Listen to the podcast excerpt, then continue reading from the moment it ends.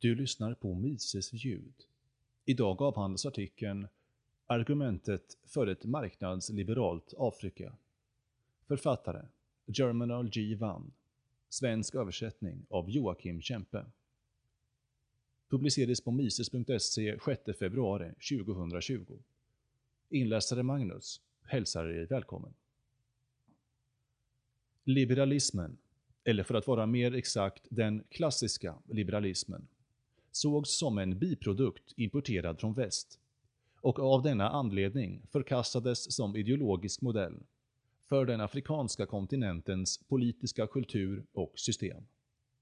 Detta var främst eftersom liberalismen, liksom dess relaterade ekonomiska system kapitalismen, sågs som förtryckarens system, som den europeiska kolonisatörens försök att behålla sin dominans över det afrikanska folket genom att upprätthålla sin makt. Liberalismen förkastades, även eftersom de flesta afrikanska politiska ledarna hävdade att liberalismens fokus på individen inte var förenligt med den afrikanska kulturen, som värderar kollektivet över individen.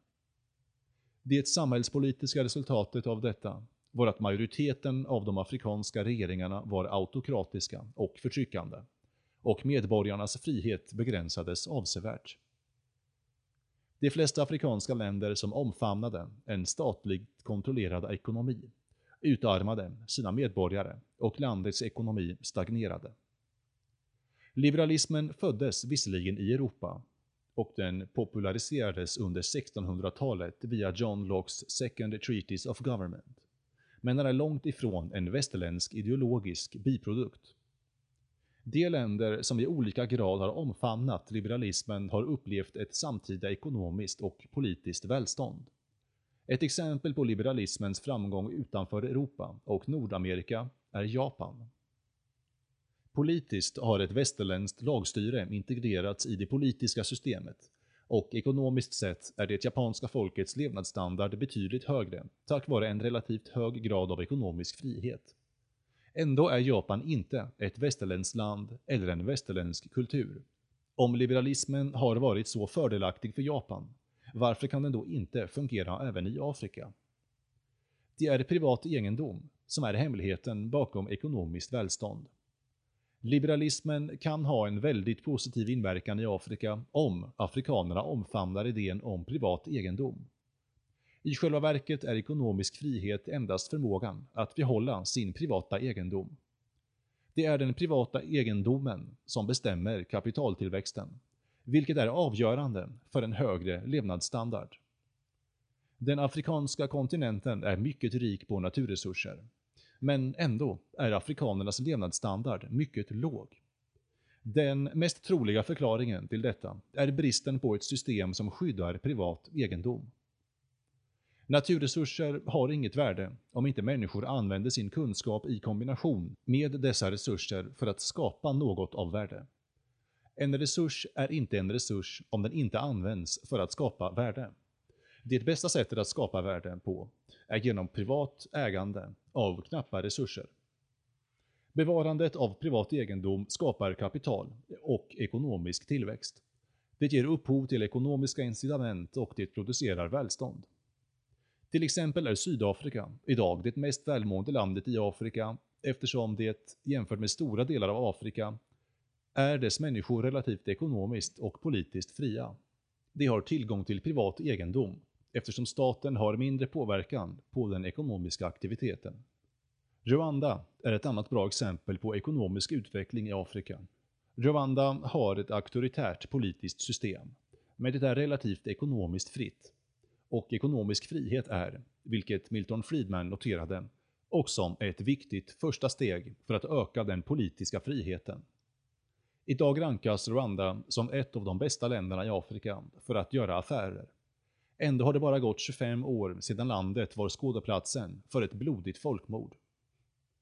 Rwanda har blivit ett av de mest ekonomiskt avancerade länderna i Afrika eftersom möjligheten att behålla sin privata egendom har ökat avsevärt sedan dess.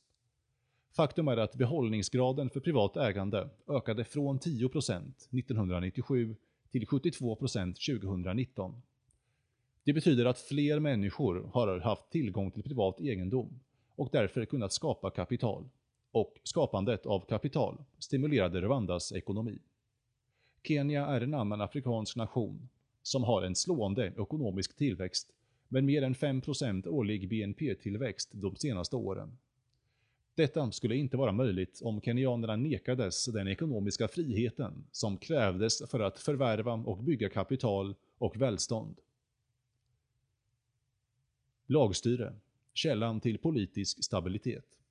En av de viktigaste förutsättningarna för ett fungerande ekonomiskt system är ett tillförlitligt rättssystem som skyddar ekonomisk frihet och medborgerliga friheter. Detta är en nyckelkomponent i liberalismen. Om privat egendom inte är rättsligt säker från vare sig grannar eller det politiska systemet kan man inte säga att den är säker. Detta kallas ofta lagstyre. Men lagstyre har sällan härskat i de flesta av Afrikas länder. I själva verket inrättade de flesta av de afrikanska länderna en enpartistat när de blev självständiga. Dessa stater kunde sedan instifta regler och godtyckligt beslagta egendom utan hänsyn till etablerad lag. Det grundläggande skälet för att upprätthålla ett sådant politiskt system var att undvika alla slags potentiella massrevolter mot det nya styret. Följaktligen begränsades det afrikanska folkets medborgerliga friheter drastiskt och härskarna styrde sina respektive stater autokratiskt och ibland förtryckande. Som ett resultat underminerades lagstyret väsentligt. De politiska systemen var föga överraskande icke-liberala. Till exempel styrde Mobutu Zaire despotiskt. Det var en enpartistat som beslutade om allt. Avsaknaden av en liberalisering av de politiska institutionerna och frånvaron av ett lagstyre ledde till flera statskupper och politisk instabilitet. Särskilt den i Liberia, där Samuel Doe avsatte president William R. Tolbert i början av 1980-talet. Eller i Togo, där Gnasibe Eudema avsatte Sylvanus Olympio i mitten av 1960-talet. Principen om ett lagstyre är dock en väsentlig faktor som utgör grunden för ekonomiskt välstånd och politisk stabilitet. Utan denna princip kan ett samhälle inte fungera ekonomiskt eller politiskt. Tyvärr har de afrikanska politiska ledarna i den postkoloniala eran misslyckats med att utveckla konceptet om ett ekologstyre inom den afrikanska kulturen och de afrikanska politiska systemen. Ett samhälle kan inte utvecklas ekonomiskt om det inte har politisk stabilitet. Och politisk stabilitet är fast förankrad i principen om lagstyre. Liberalismen, likt kapitalismen, är inte en västerländsk importerad biprodukt som vissa panafrikanister vill få den att verka. Den är en biprodukt av människans natur. Liberalismen kan implementeras i Afrika om det afrikanska folket är villigt att acceptera den. Inte som en västerländsk biprodukt, utan som ett samhälleligt motgift för att säkerställa en förbättring av deras välbefinnande, både politiskt och ekonomiskt.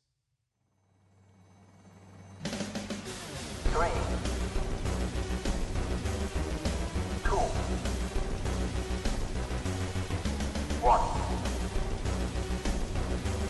And last, don't put your trust in politics